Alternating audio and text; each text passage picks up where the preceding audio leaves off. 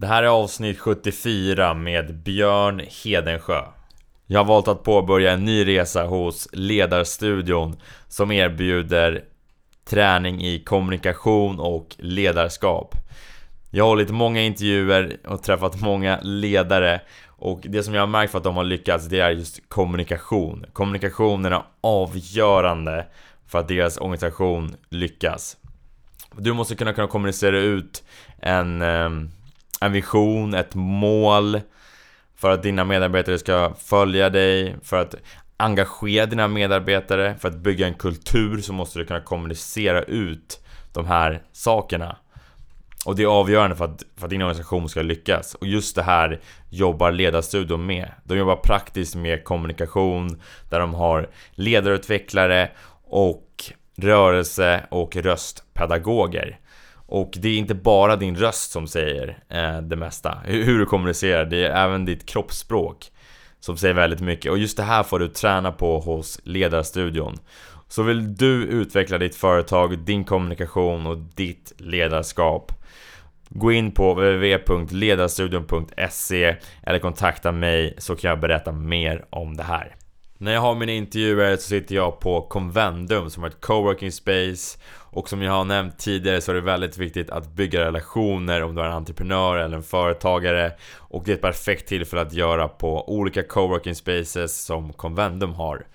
De erbjuder även AVs, de erbjuder frukost, de erbjuder, de har takterrasser De har till och med gym på vissa center. Väldigt öppna, fräscha, trevlig personal. Så är du ute efter lokal, gå in på www.convendum.se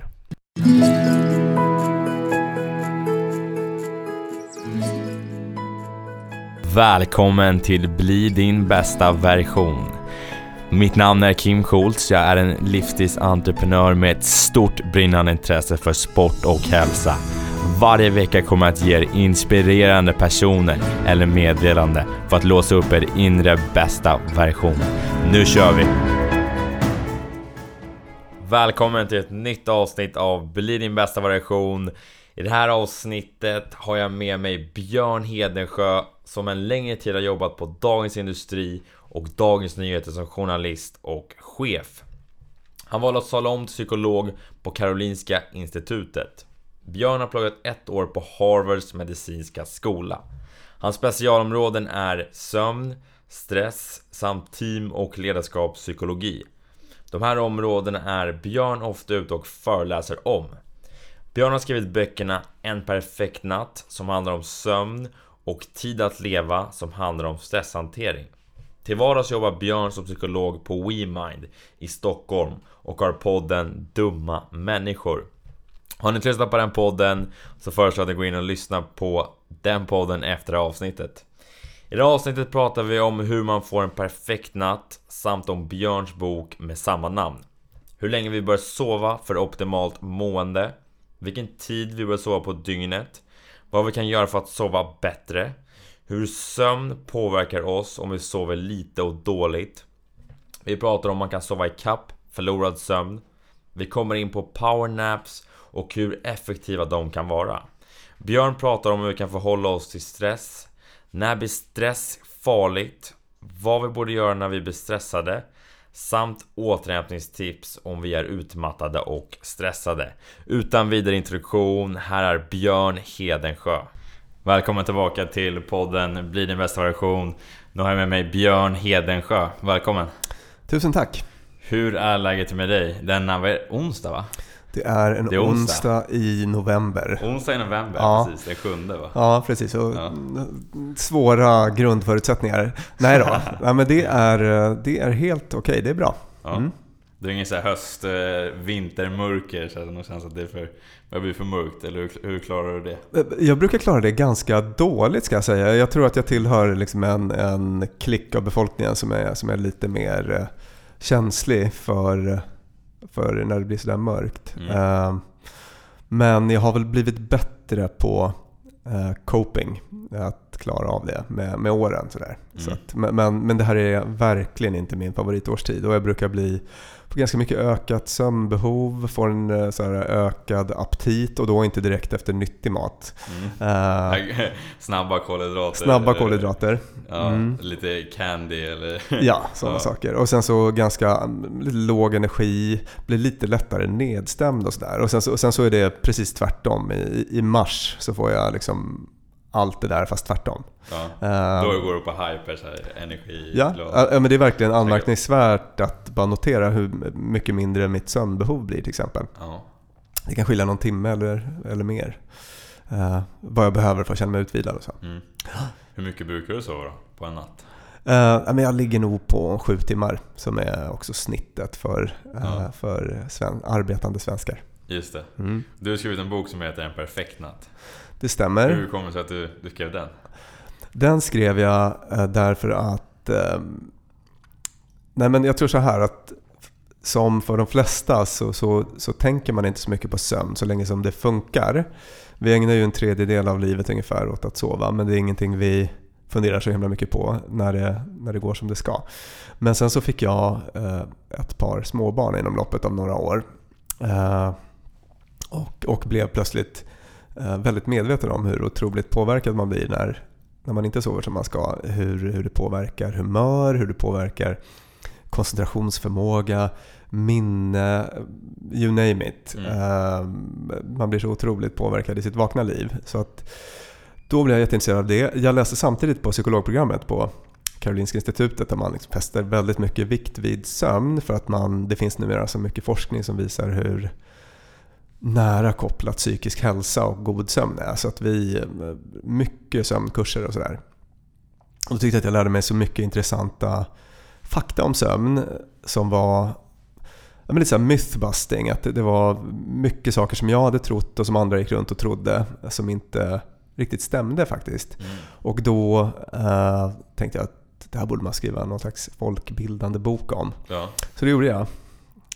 Och det var, det var jobbigt. För att, för att det, var ju, det var ju då en period när jag, när jag själv faktiskt fick väldigt lite sömn. Som jag skrev den här boken. Ironiskt nog satt jag där utschasad mitt i, inte, inte mitt i natten kanske, men sena, sena kvällar. Och eh, det var så den boken kom till. Ja. Eh, Och jag jag minns en sån här rolig scen från lanseringen. Den fick väldigt mycket uppmärksamhet när den kom av något skäl. Och eh, då var det någon tidning som skulle fotografera mig. De skulle göra ett så här reportage, något magasin om så, här, så sover du bättre. Mm. Men jag var så jäkla sliten då så att de var så här eh, de liksom ställde in fotograferingen och bad om lite pressbilder istället. Eh, Vi behöver pressbilder. Ja. Så att vi löste det på det viset. Eh, ja, så det, så det är historien om hur den boken kom till. Ja. Mm. Vad, vad har du lärt dig då? Om sömn sen du, sen du skrev den boken?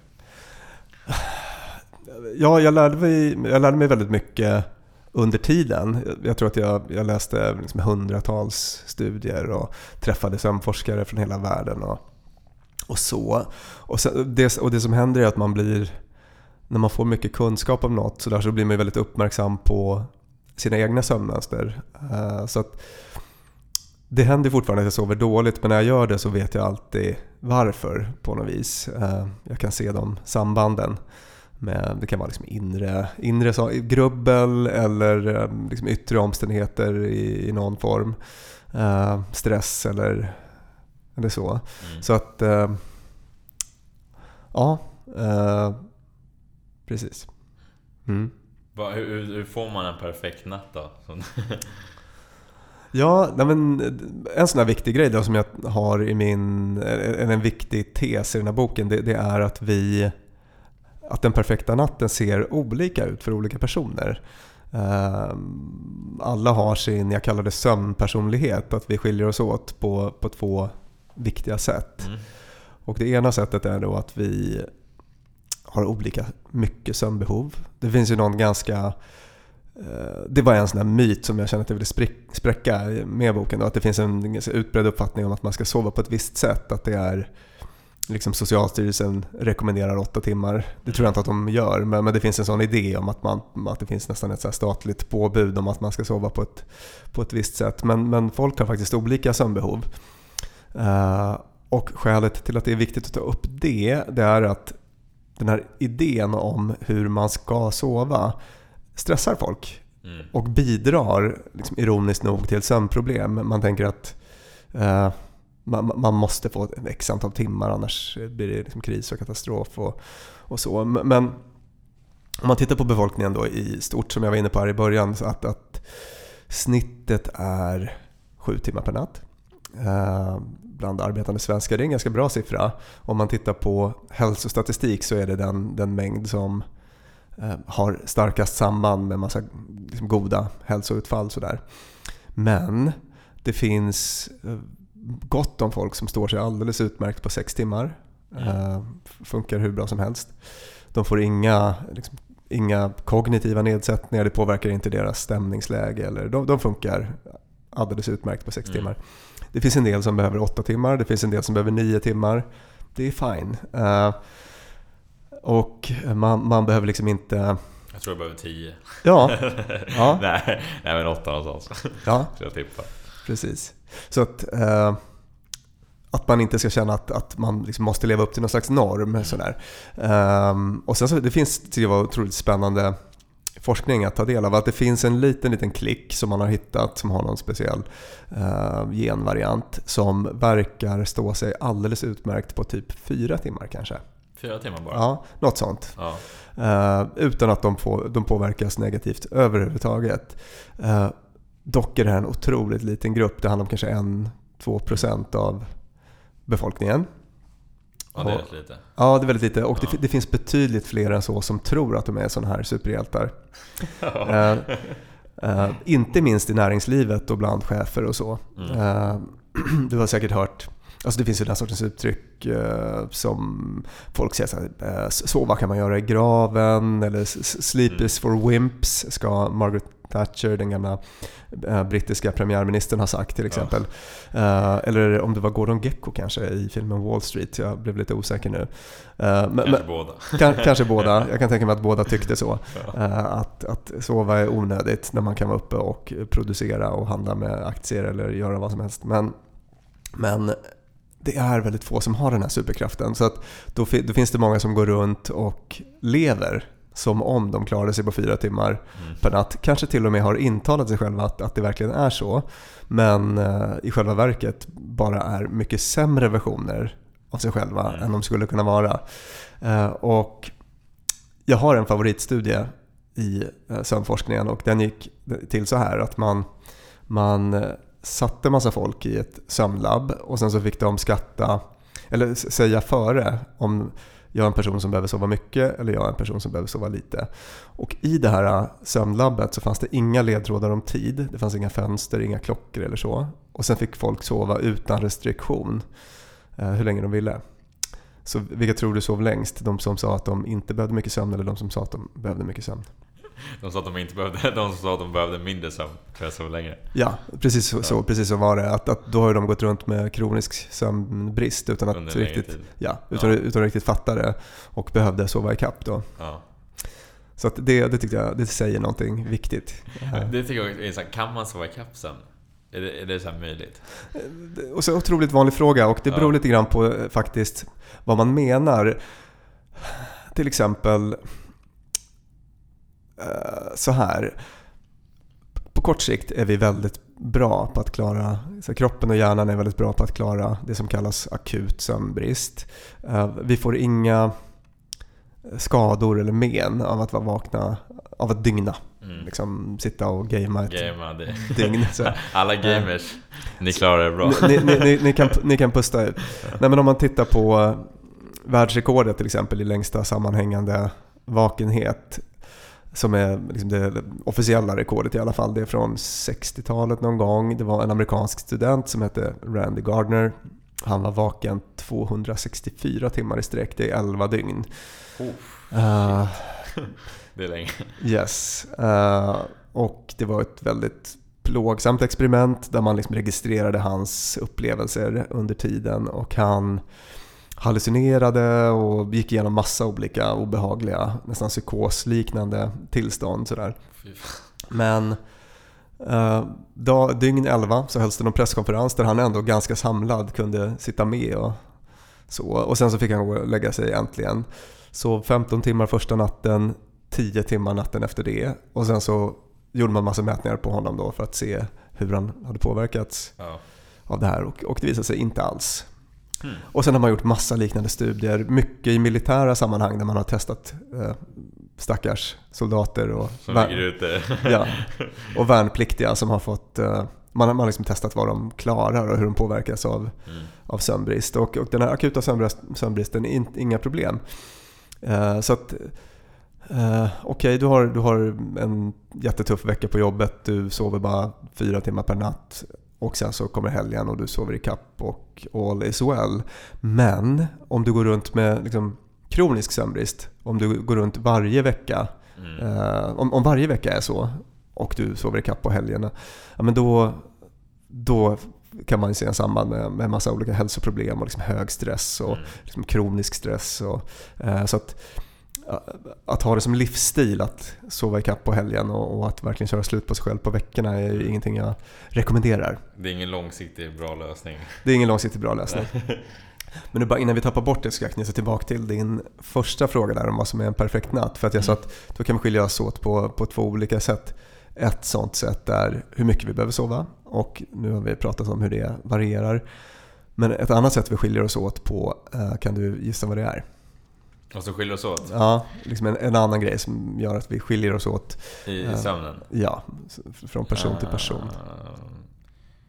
Ja, det var en väldigt bra fråga. Jag tänker ju ålder kanske? Nej. Absolut, ja det anknyter till det. Så här, ja. eh, nämligen när vi vill när, sova. Ja, när vi sover. Ja, klart. Och, och när vi sover bäst. Ja, den är frågan intressant. När, när börjar man sova på dygnet? Ja. ja. och där skiljer vi oss åt i så mått att en del drar mer åt morgonpersonshållet, andra är mer kvällspersoner. De flesta av oss är faktiskt någonstans mitt emellan med liten slagsida åt kvällshållet. Och den myt då som jag vill spräcka i boken det är att eh, den här idén också vanlig i näringslivet och så att man, kan välja, att man enkelt kan välja ja. att vara en morgonperson eller så är man en person som eh, det är så slashas som behöver sova länge. Men faktum är att det där är ärftligt.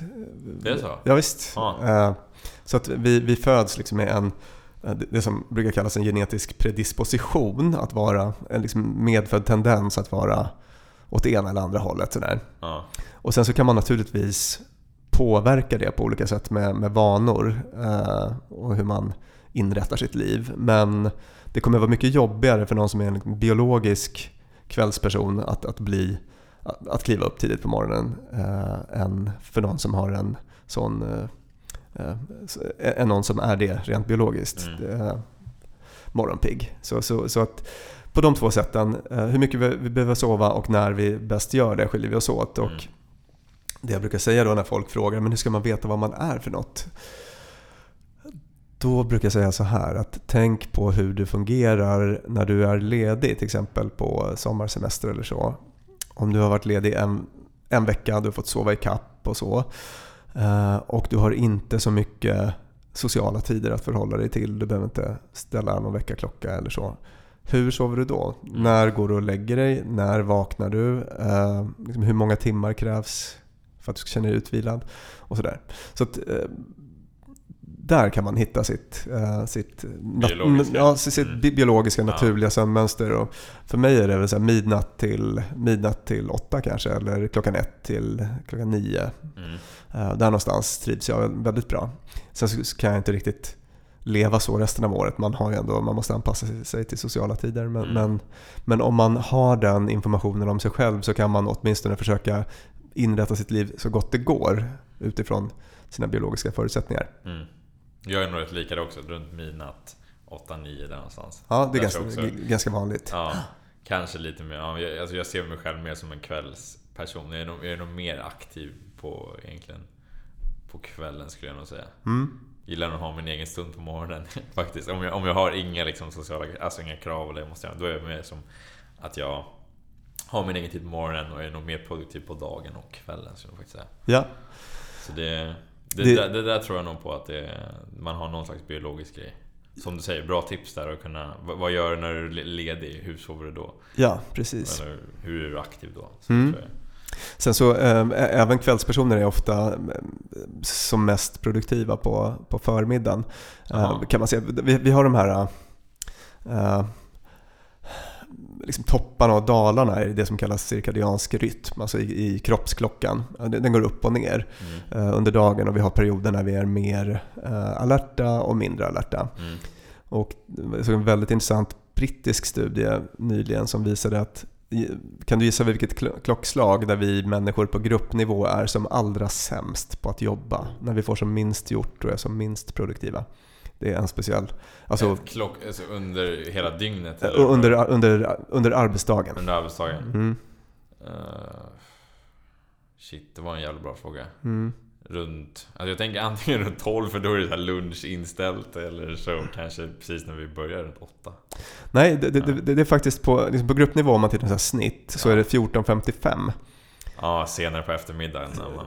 Precis. Folk är verkligen rätt kassa då eh, Ja. på, på att få saker gjort eh, och att tänka analytiskt och, och klart. Ja. Sådär.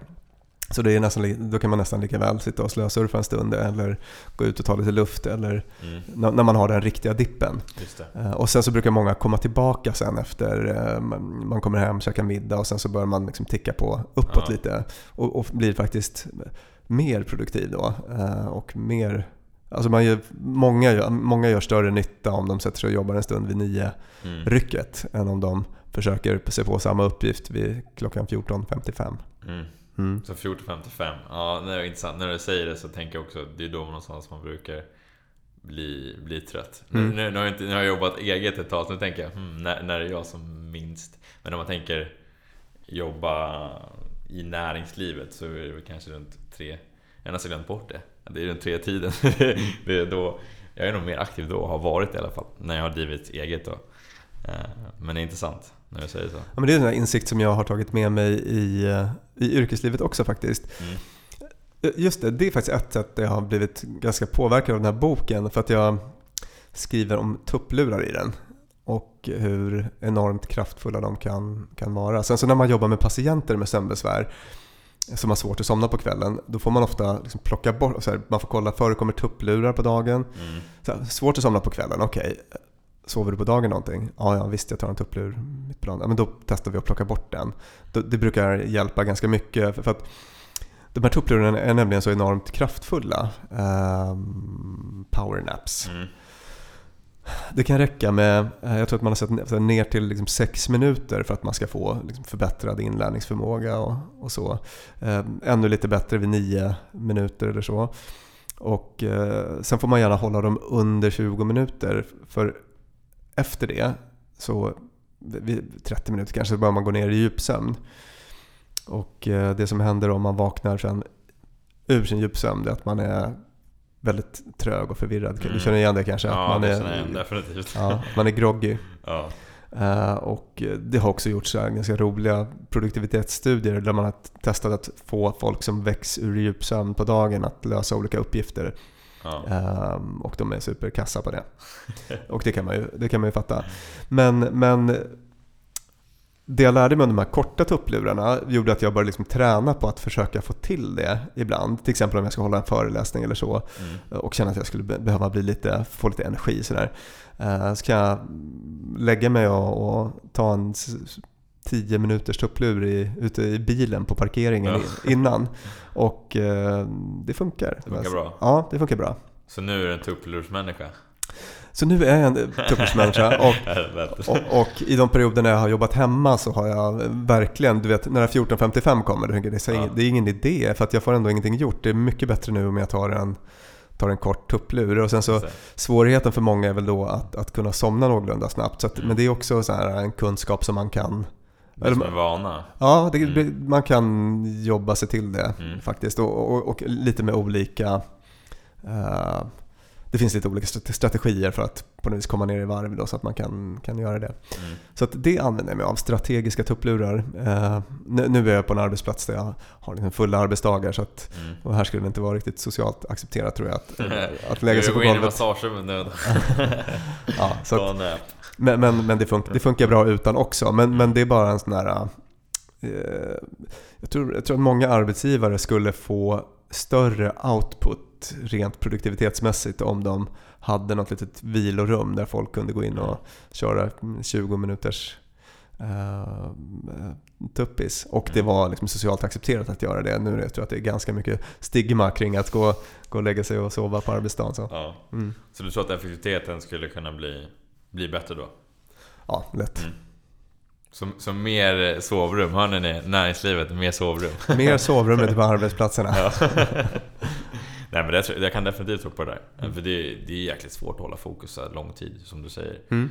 Eh, så då är det bra att ta någon nap eller gå och röra på sig, gå ut och ta frisk luft. Jag tror definitivt på det. Ja, alltså det finns ju något med arbets... Det, det här liksom 8 till 17 eller den mm. som känns egentligen otroligt mossigt. Eh, kan, kan jag tycka. Att, att, att det, det bor, alltså i, många, i många branscher och näringar och i, definitivt i alla så kreativa näringar. Och, mm. och så, så, så, så är det något lite knasigt att man bara ska sitta på en plats och på något vis under en viss tid spotta ur sig bra idéer. Och, uh, för att vi funkar inte så liksom biologiskt. Där har vi de här topparna och dalarna under dagen. Så att på många sätt kan jag tycka att det vore rimligare, eller i många yrken så vore det rimligare med att man har resultatmål eller att man ska leverera eh, output X vid tidpunkt Y. Eh, mm. är en egentligen mycket rimligare approach. Eh, och så kan man sitta på kvällen och jobba och så. Sen finns det vissa problem med det som är det här gränslösa då, att, att arbetsliv och fritid flyter ihop på ett sätt mm. som kan vara väldigt stressframkallande. Mm. Ja, men jag tror också på det. Jag tror inte heller riktigt vi är byggda för att sitta på en och samma plats i, i runt åtta timmar. Jag tror inte att vi människor mår som bäst för att göra det. Jag tror att vi behöver gå ut och röra på oss, se en ny miljö, få in nya intryck. Jag tror det blir väldigt svårt att vara produktiv och vara sitt bästa jag om man sitter på åtta timmar i princip på samma ställe framför en dator. Det är inte så ergonomiskt, jag tror inte vi heller är som sagt byggda för det. Nej, alltså det härliga med att vara på en arbetsplats, det tycker jag är mina, mina underbara kollegor. Mm. Det, det tycker jag är det, det stora värdet. Men ja. om, om jag tittar på de perioder i livet när jag har jobbat eh, liksom helt eget, så att säga, eller med egen eh, verksamhet bara, då har jag ju då ser min arbetsdag, alltså jag går upp, jag vet att jag är jag har, eftersom jag är uppmärksam på saken så har jag ganska bra koll på min egen rytm. Så att jag vet att morgontimmarna är värdefulla, 8-9 till, fram till lunch ungefär. Så att då mm. Öser jag på, producerar mycket. Sen lunch och sen kanske en joggingtur, eh, sen kanske en liten tupplur och sen på't igen. Mm. Och sen så middagspaus och sen så kan man sitta, sen precis som du gör då, lite kvälls person och, och mm. får, har en liten slott på kvällen då jag eh, tycker att det känns kul och uh, att jobba lite så här mm. ibland. Så att då kan man göra det lite senare. Uh, om, om det passar en så att säga. Så att den, den, den arbetsdagen ser ganska annorlunda ut jämfört med, mm. uh, med hur det är när jag är på arbetsplats. Mm. Ja, det är, det är som sagt annorlunda. och där tror jag det gäller att hitta lite hur, ja men vad mår jag bra men det där tror jag också att, där tror jag att arbetsplatser, alltså Näringslivet kan ta lära av faktiskt och, och våga vara lite mer Ja men öppen för att kunna sitta på olika platser och inte alltid behöva vara på en och samma plats. Ja, Sen det... tror jag det är jättebra att träffa kollegor och så här, det tror jag absolut. Mm. Men jag tror att det kan vara en bra väg att, att, gå faktiskt. För jag tror att det kommer bli mer effektivare och människor kommer må bättre. Ja. lite mer frihet. Du är på väg åt det hållet också. Ja, jag tror precis. Det känns som att det börjar komma upp mer och mer. Så det... Idealet är på något vis arbetsplatser där man eh, kan, där det finns en plats dit man kan gå och där man kanske liksom förväntas gå i första hand men, mm. men där det finns en stor öppenhet eller tolerans för att man, nej men jag, jag kör hemifrån idag. Mm. tar ju bort väldigt mycket stress ur livet. Man kan ta ungarna till det här tandläkarbesöket och slipper på något vis de här eh, produktivitetsförlusterna också som det blir att resa fram och tillbaka till jobbet. Mm. Och, alltså, ibland är det bara väldigt praktiskt också att, mm. att uh, jobba hemifrån mm. och mycket mer effektivt. Så. Mm. Men, men, men för, en del, för en del personer tror jag att det kan vara rätt stressframkallande också med den här gränslösheten. Uh, absolut. Att, att att jobbet kliver in i hemmet på det viset. Så att eh, det är nog inte så att en sko passar alla riktigt. Mm. Nej precis, det beror lite på vilken person man är. Uh, absolut. Du, stress nu, vi komma in på det. Det är också någonting som du um, ja, men pratar mycket om. Och skrivit en bok också om det, Tid att leva. Vad, vad skulle du säga, hur, hur förhåller vi oss människor till stress idag? Ja, Tid att leva skrev den med Fredrik Livheim som är forskare på KI och en som heter Daniel Ek som mm. inte är Spotify-grundaren Daniel Ek utan som är, det är inte han utan det är en otroligt duktig psykolog som är, han kan väldigt mycket om utmattningssyndrom till exempel. Mm. Eh, så vi tre gjorde den tillsammans. Ehm, och förlåt, vad var din fråga? Nej, jag tycker vi förhåller oss till stress idag. Ja, just det. Men en sån här viktig poäng i den boken det är att på något vis eh, dels att normalisera den här eh, normalisera stress på något vis. Att stress är inte all stress är inte farlig utan den, den så här vardaglig kortvarig stress det är, en, en, det är kroppens och hjärnans sätt att fördela resurser till eh, dit där de bäst behövs. Att skärpa oss i lägen när vi måste vara skärpta. Man får det här stresspåslaget och kanske blir mer uppmärksam eller liksom aktiveras på olika sätt. Eh, och den, den problematiska stressen är då när vi går runt med det här väldigt lång tid, när vi aldrig kommer ner mm. ifrån de här äh, stresstopparna utan, utan ligger på en konstant hög nivå av fysiologiskt påslag. Mm. Äh, så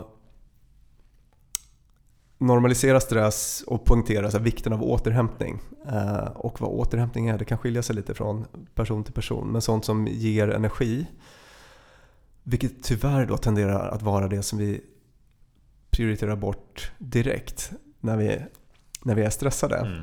Det, är bara tänk, det är bara nästan att gå till sig själv. Att om man, har, om man har väldigt mycket på jobbet i en period, vad är det man tar bort? Jo, det man tar bort ofta umgänge med vänner. Man tar bort träning. Ja, sådana saker som, som är sånt som, som, som, som brukar eh, vara väldigt återhämtande och som ger ett skydd mot, mot stress. Då. Mm. Vi tar bort sömn, eh, som också är superviktigt mm. för vår motståndskraft. Så vi har, vi har massa sådana saker för oss då som, eh, som gör att vi får tyvärr alldeles för lite återhämtning. Mm. Vad skulle du säga, vad är det bästa vad kan man göra om man hamnar i en sån situation? Alltså så här, mentalt, hur tror du att man kan mentalt mm. bli, kanske, du vet, så här, bli både medveten om det och mm. sen också kunna göra någonting åt det? Det allra första steget är egentligen att få syn på sina, sin egen stress, att få ja. syn på sina egna, få, få syn på egna stresssymptom. Eh, så här, göra en liten besiktning av sig själv. Att, att, hur, hur mår jag egentligen just nu? Och, och då finns det ju en, en rad olika symptom som, som brukar vara vanliga. Eh, sådana som, som handlar om beteende till exempel. Att man, eh, det som kallas stressbeteenden, att man gör saker eh, väldigt fort fastän man inte behöver. Eller att man effektiviserar saker och ting hela tiden fast man inte behöver. Okej, nu sitter jag och tittar på en film på Netflix och jag håller samtidigt på och scrollar igenom Facebook. Alltså man effektiviserar till och med sin avkoppling. Mm. Eh, avkoppling inom citationstecken. Mm. Eh, eller att man springer till bussen fastän det är en timme till man ska vara på det här mötet. Mm. Eh, den, det är en typisk sorts stresssymptom som man kan få syn på om man blir lite uppmärksam på det. Humör brukar påverkas, man kan bli nedstämd och känna sig ja, ledsen och, och så. Man, man kan irritabel.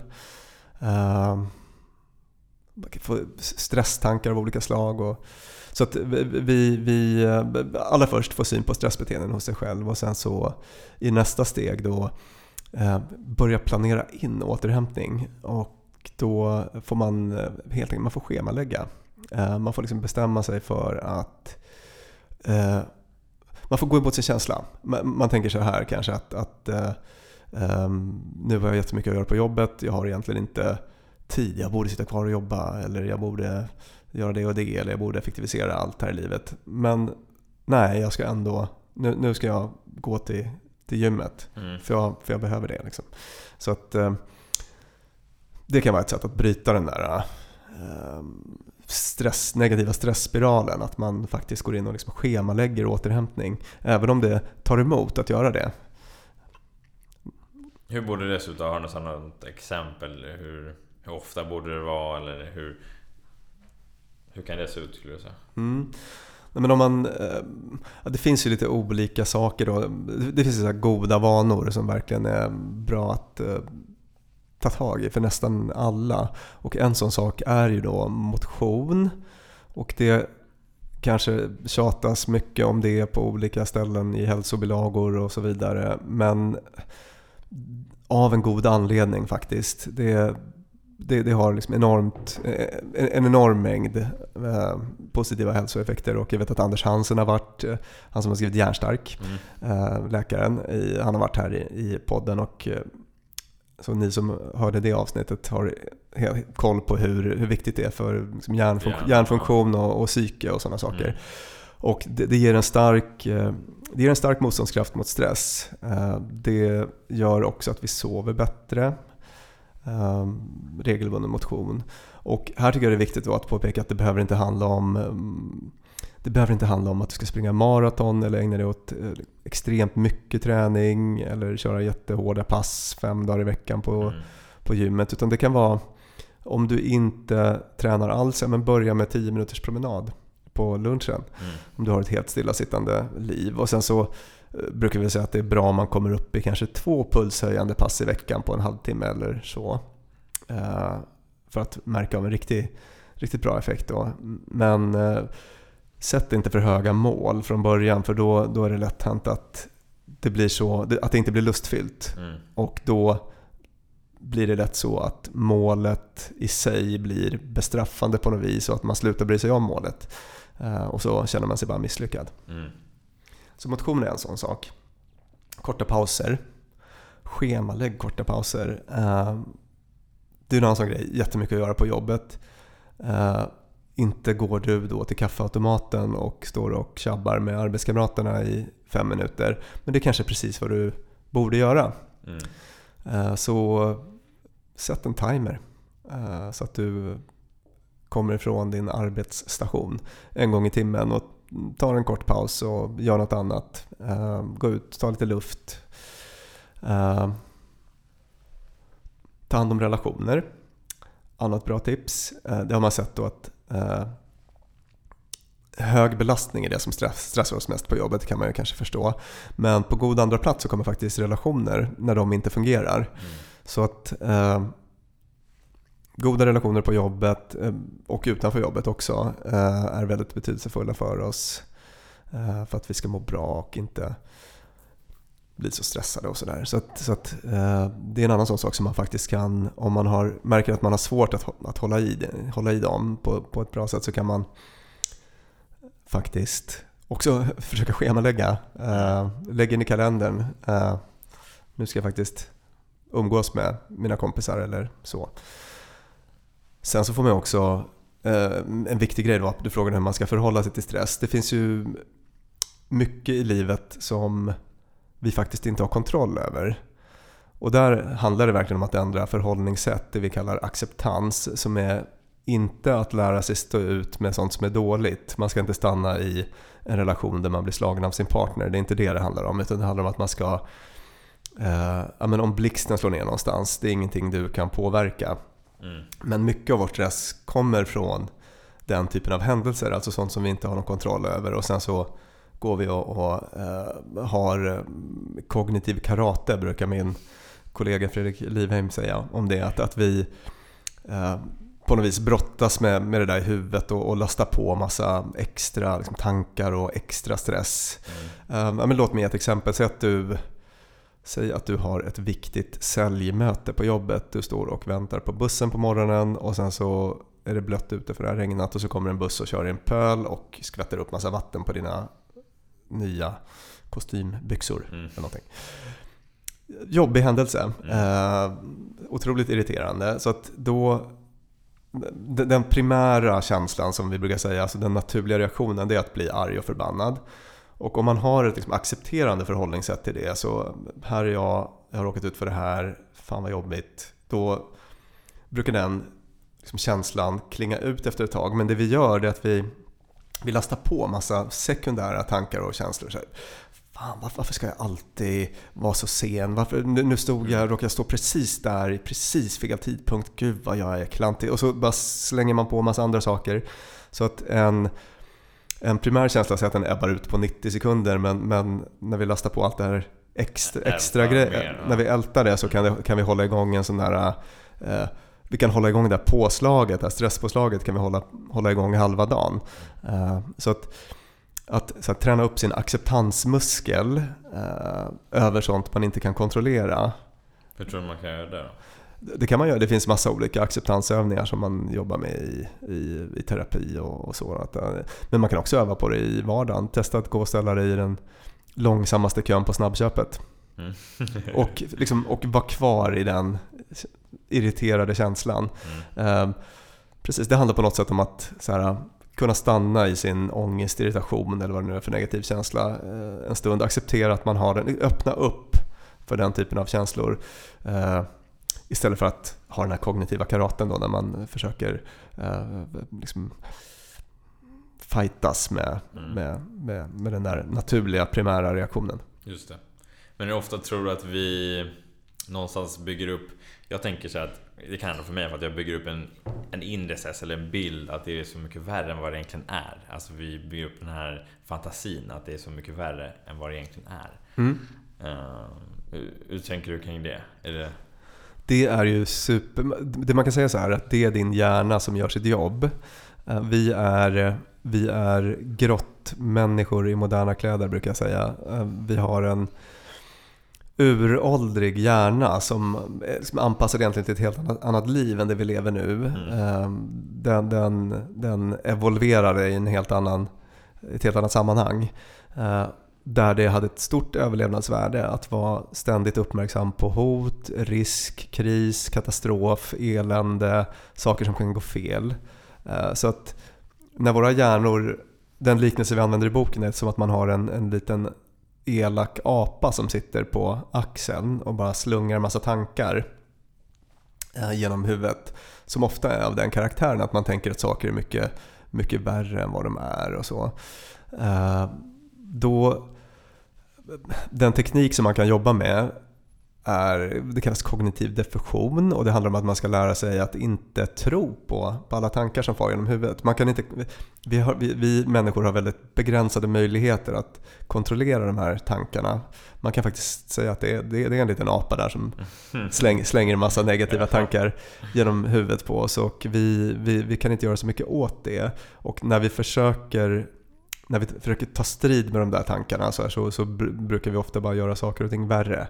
Så att eh, kognitiv defusion handlar om att på något vis frigöra sig lite grann från tankeinnehållet. Mm. Att tänka att jag, behöver, jag har den här tanken men det behöver inte betyda att det är sant. Mm. Uh, så uh, men, men, det låter ju ändå som att du är, lite, du är uppmärksam på det och du har lärt dig att det ofta inte blir så illa som du.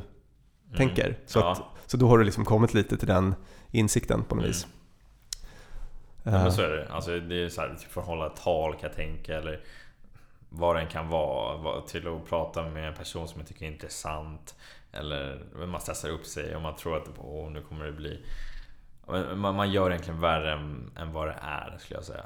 Uh, och det är väl någonting som jag har lärt mig med tiden. Att det, oftast är det jag som spelar upp det mycket värre i mitt eget huvud. Men om jag verkligen om jag verkligen går igenom ja, men hur, hur farligt är det egentligen? Eh, om jag typ antingen skriver ner det eller eller bara liksom testa det. När jag väl har gått igenom det så förstår man kanske att det är inte så farligt som jag trodde att det var. Mm. Utan det är någonting som jag har spelat över. Eh, så det kommer väl med erfarenhet och, ja. och skriva ner skulle jag säga. Yes, alltså det, det, det, är någon här livsvisdom som jag tycker att man brukar också...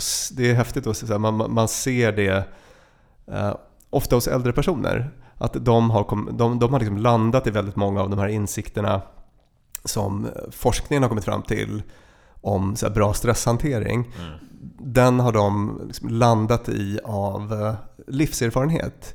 Att de är så icke-dömande mot sig själva och andra. De, de accepterar sånt de inte kan kontrollera. Att de har liksom lärt sig det den hårda vägen. Mm.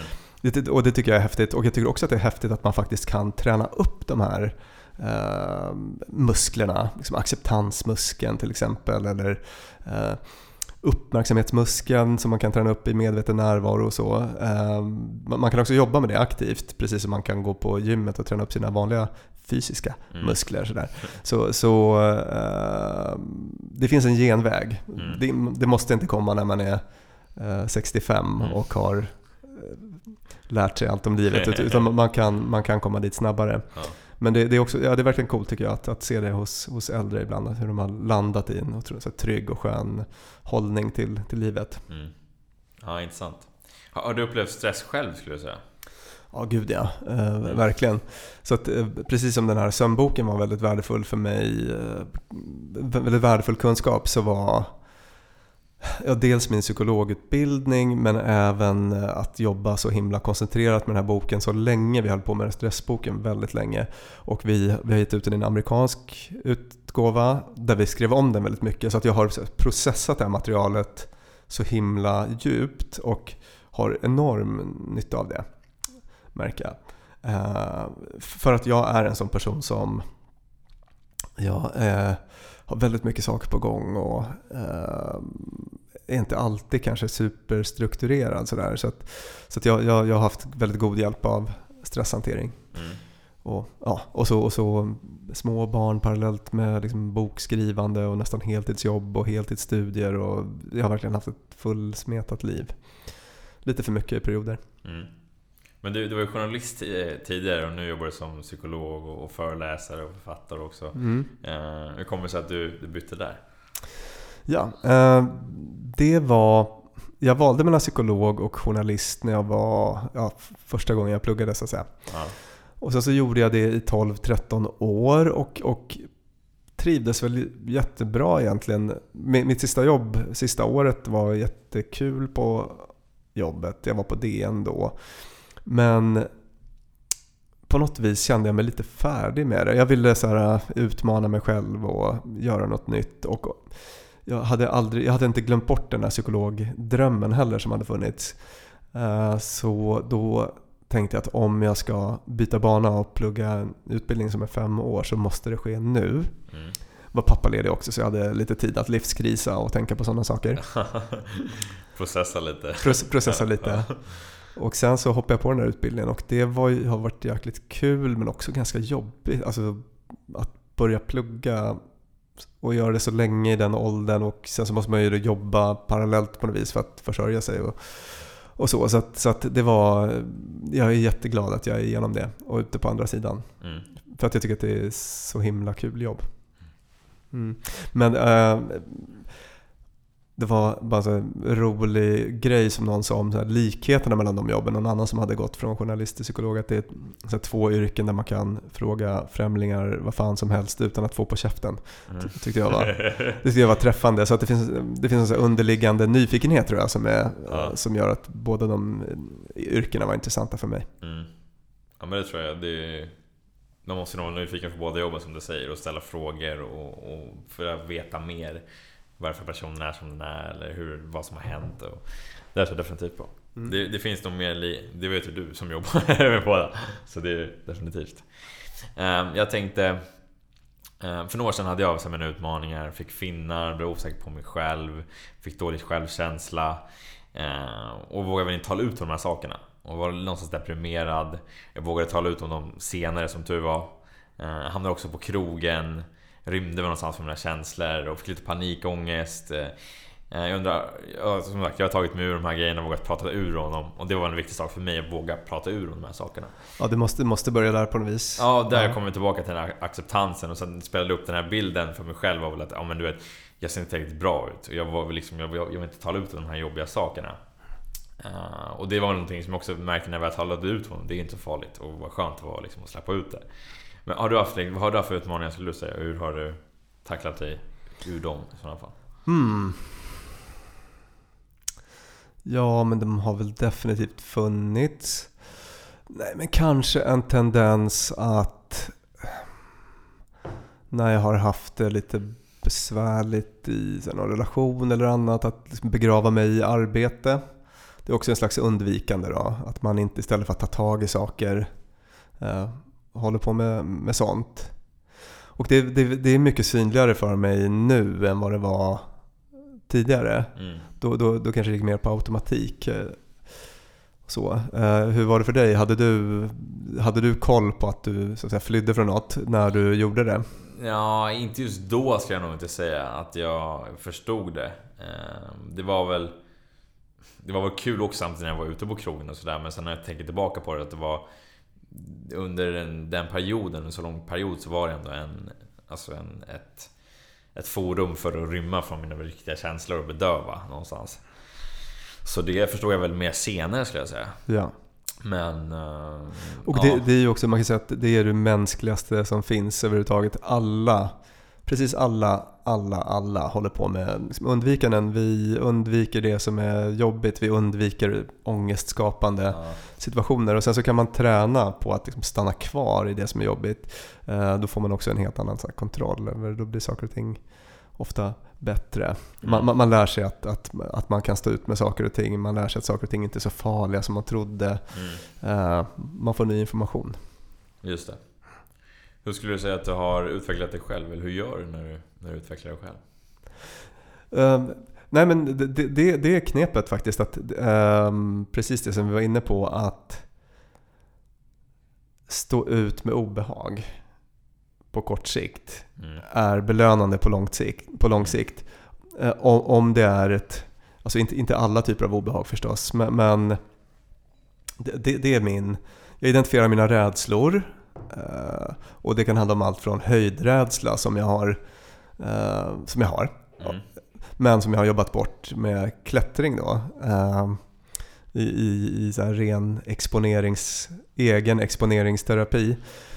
Eh, det kan vara det, men det kan också vara kanske så konflikträdsla som jag har jobbat bort genom att faktiskt våga ta konflikten, stanna i obehaget. Mm. Har blivit bättre på. Så att jag försöker på något vis identifiera vilka svagheter hos mig själv som ställer till det på olika sätt i mitt liv. Och sen försöker jag att eh, stå ut med det obehag som, som gör att jag har, har liksom undvikit Mm. eh, konstruktiva beteenden. Mm. Jättebra exempel, jag, eh, när man går psykologprogrammet så får man, eh, eller på psykologprogrammet på KI så hade vi en, en kurs som, som, där man fick jobba med att utveckla någon, någon sån här personlig aspekt. Och jag jobbade då med så tacka nej-träning. Mm. För, för det var ett verkligt problem för mig. Att jag eh, av olika skäl tackade ja till alldeles för mycket saker. Skapade stress i livet. Jag, ehm, och allra först får man då identifiera, orsakerna till att man gör det. Och det, det kan vara flera olika saker. Det kan vara så här FOMO, fear of missing out. Mm. Eh, att man ska missa någon massa roliga saker och man bara tackar ja till allting nästan rutinmässigt. Det. Det kan vara att man i situationen inte vill göra folk besvikna. Eh, Det kan vara eh, det kan vara massa olika, det kan finnas massa olika skäl. Så att när man, först identifierar man det och sen så eh, de situationer där man ägnar sig åt det här och sen så får man liksom testa att göra annorlunda. Göra lite tvärtom. Att, att säga tack för frågan var kul men nej. Och gär- gärna utan att ange en orsak. Eh, för det som händer när man, när man anger en orsak till varför man tackar nej, det är att den andra personen då börjar problemlösa. Okej, så du kan inte följa med på bio, men, men eh, för att du måste vara med barnen. Men vet du vad, jag känner en jättebra barnvakt. Jag, jag, jag ringer det, jag löser det. Så. Ja. så att, eh, du kan vara lite uppmärksam på det. Om man så här, tackar nej till saker och anger ett skäl. Att Mm. Väldigt ofta börjar den man pratar med att försöka problemlösa det på olika sätt. Och, så att ett bra sätt att här, tacka nej-träna det är att, att tacka nej utan att ange en anledning. Anledning, Ja, kul, kul att du frågar, men nej. Nej Ja, tack. Nej tack. Ja. Eh, för att det blir också lite extra obehagligt, så då får man lite mer träning att stå ut med det här obehaget. Mm. Och så får man ny information som är att det blir inte så farligt. Det är inte så farligt. Mm. Och då ökar ens beteenderepertoar, man, kan, man, kan, man man blir friare att välja hur man ska agera. Eh, Och den sortens personlig utveckling ägnar jag mig åt egentligen hela tiden. Att jag kollar vad, vad är det jag tycker är svårt och obehagligt eh, som jag egentligen vill göra. Utsätter mig för den svårigheten, ser vad som händer. Oftast går det bättre än vad man tror. Vi, vi pratade om det tidigare, att oftast går det bättre än man tror. Och jag kom då att tänka på en studie från eh, Yale-universitetet i USA där det var någon forskare som hade tittat på, eh, han lät massa undersökningsdeltagare skriva ner vad de oroade sig för som skulle inträffa under den kommande månaden. Och sen så efter en månad så kollade han hur mycket av det här som hade inträffat. Eh, och det var bara 10% av det folk oroade sig för, har jag för mig. 10% av det folk oroade sig för hade inträffat. Mm. Resten hade gått bättre. 90% hade gått bättre än vad folk trodde att det skulle göra. Det. Så att det, var, det var rätt ballt att få en siffra ja. på, på den här, det som du har känt intuitivt och som så många um, kanske har tänkt att, mm. att det, det, blir sällan så illa som man tror och ja, men så är det verkligen. Mm. Kul, kul att få svar på det också. Mm. Vilka frågor brukar du ställa dig själv då? Mm. Vilka frågor brukar jag ställa mig själv? Ja, jag brukar väl nyfiket undra hur mitt yrkesliv ska se ut om typ fem år. Ja.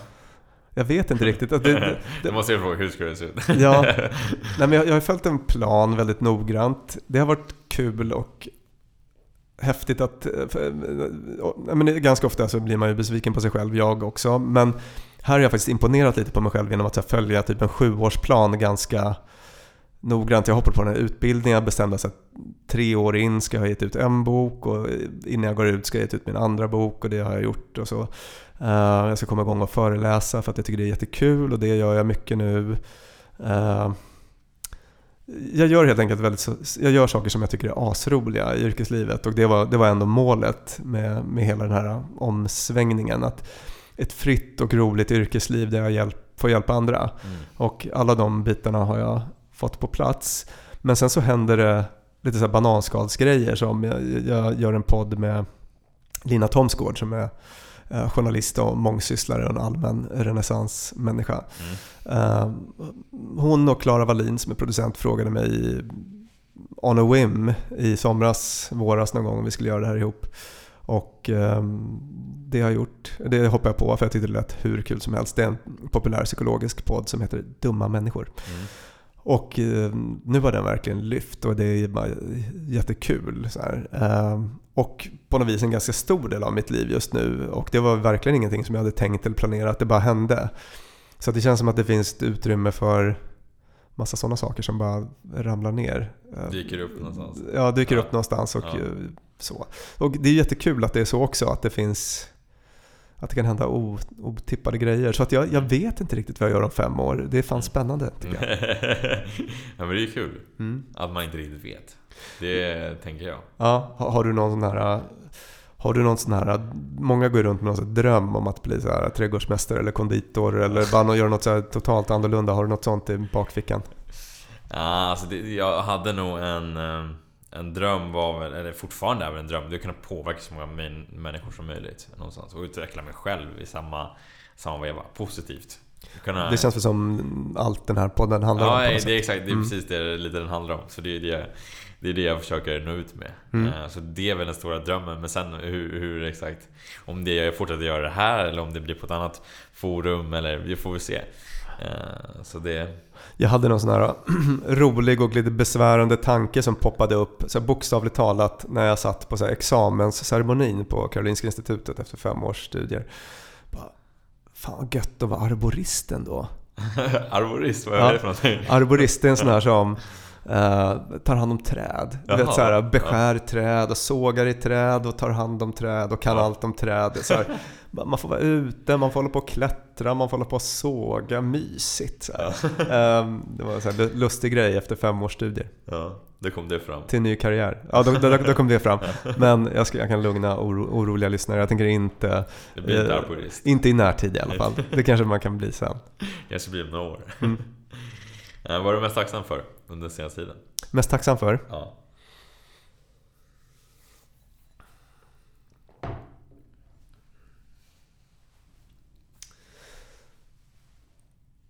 Nej, men jag kan nog känna en väldig tacksamhet över eh, det här jobbet jag gör. Eh, ehm, alltså psykologyrket. Bara sån enorm glädje att när, när det blir bra och när man kan hjälpa en person som inte har fungerat under många år kanske. Att på så här, 15 veckor bara komma tillbaka. Ehm, det, det tycker jag är, alltså det är en sån, du vet en sån person känner jag rättfärdigar hela omsvängningen av fem år i plugget. Och, alltså det, det är en sån kick så att jag har nästan inte varit med om maken. Mm. Eh, Så, så, så det tycker jag är en, en- det känner jag en väldig tacksamhet inför. Jag tycker också att det är Um, men på, på det här stället där jag jobbar, folk är så jäkla duktiga så att jag är tacksam över att få ha så grymma kollegor. Folk är så smarta eh, och så bra på, på sina jobb här. Så att jag, på på E-mind psykiatri där jag jobbar. Så att, så att jag tycker att det är, det är också en, en sån grej som jag har känt mig tacksam över. Härligt. Mm. Eh, Den här frågan kallar jag tre sanningar. Eh, Som du... Om du fick en penna och papper och du skriver tre sanningar som du tycker är sant för ditt liv. Bara för ditt liv. Vad skriver du ner på det här pappret? Hmm.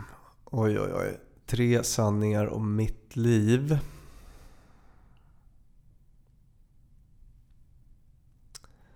Sånt som faktiskt stämmer. Uh, Okej. Och jag, jag ska försöka undvika att vara präktig här. Nej, men det är faktiskt sant att jag... eh, mina matvanor kan ju ibland... är inte alltid de bästa. Alltså jag är lite sådär, jag kan eh, proppa i mig en...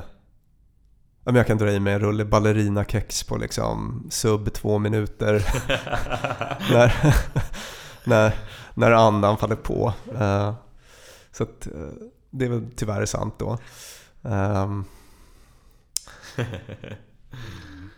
men jag kompenserar det med ganska goda alltså motionsvanor så att jag tänker att det på något vis Det kompenserar upp. jag kompenserar upp. Ja. Ehm, sen vad, vad mer är sant? Ehm, Mm. Jag kan ha lite svårt att vara ledig faktiskt. Ehm, um, fastän jag vet bättre. Så kan jag... Ehm, jag tror det finns en aspekt av det är att jag nu ägnar mig åt saker som jag tycker är så himla roliga. Så att jag har eh, ganska lätt att jobba lite grann nästan varje kväll.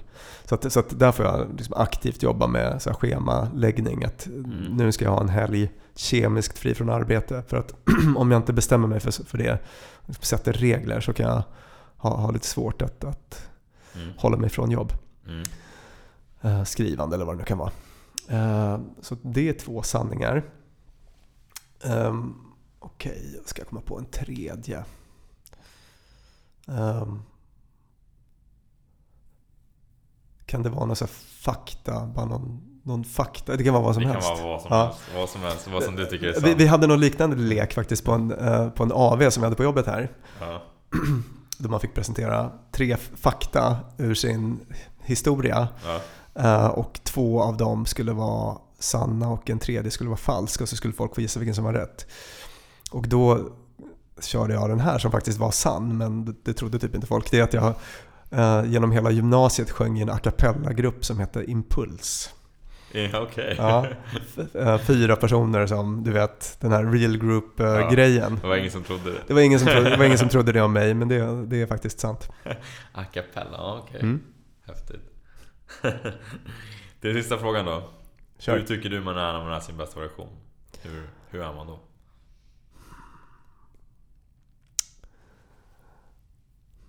Då, när man är sin bästa version, eller så en, en grej som jag tycker är viktig, eller som jag uppskattar mycket hos andra, det är om man på något vis inte stelnar för mycket i en idé om sig själv, utan strävar efter att utvecklas på olika sätt. Alltså, därmed inte sagt att man inte ska vara liksom nöjd med den man är eller älska sig själv. Det tycker jag absolut man ska göra. Men att man på något vis Eh, vi, vi blir så himla lätt liksom rigida. Det, det, det finns ju något sånt här säg om att den musik man lyssnar på 25, när man är 25 år gammal, den lyssnar man på i resten av livet. Och jag kan själv märka en sån tendens. Och då försöker jag på något vis att utmana mig själv att så här, lyssna på, gå emot känslan, lyssna på lite annan musik och kanske upptäcka någonting där som jag gillar.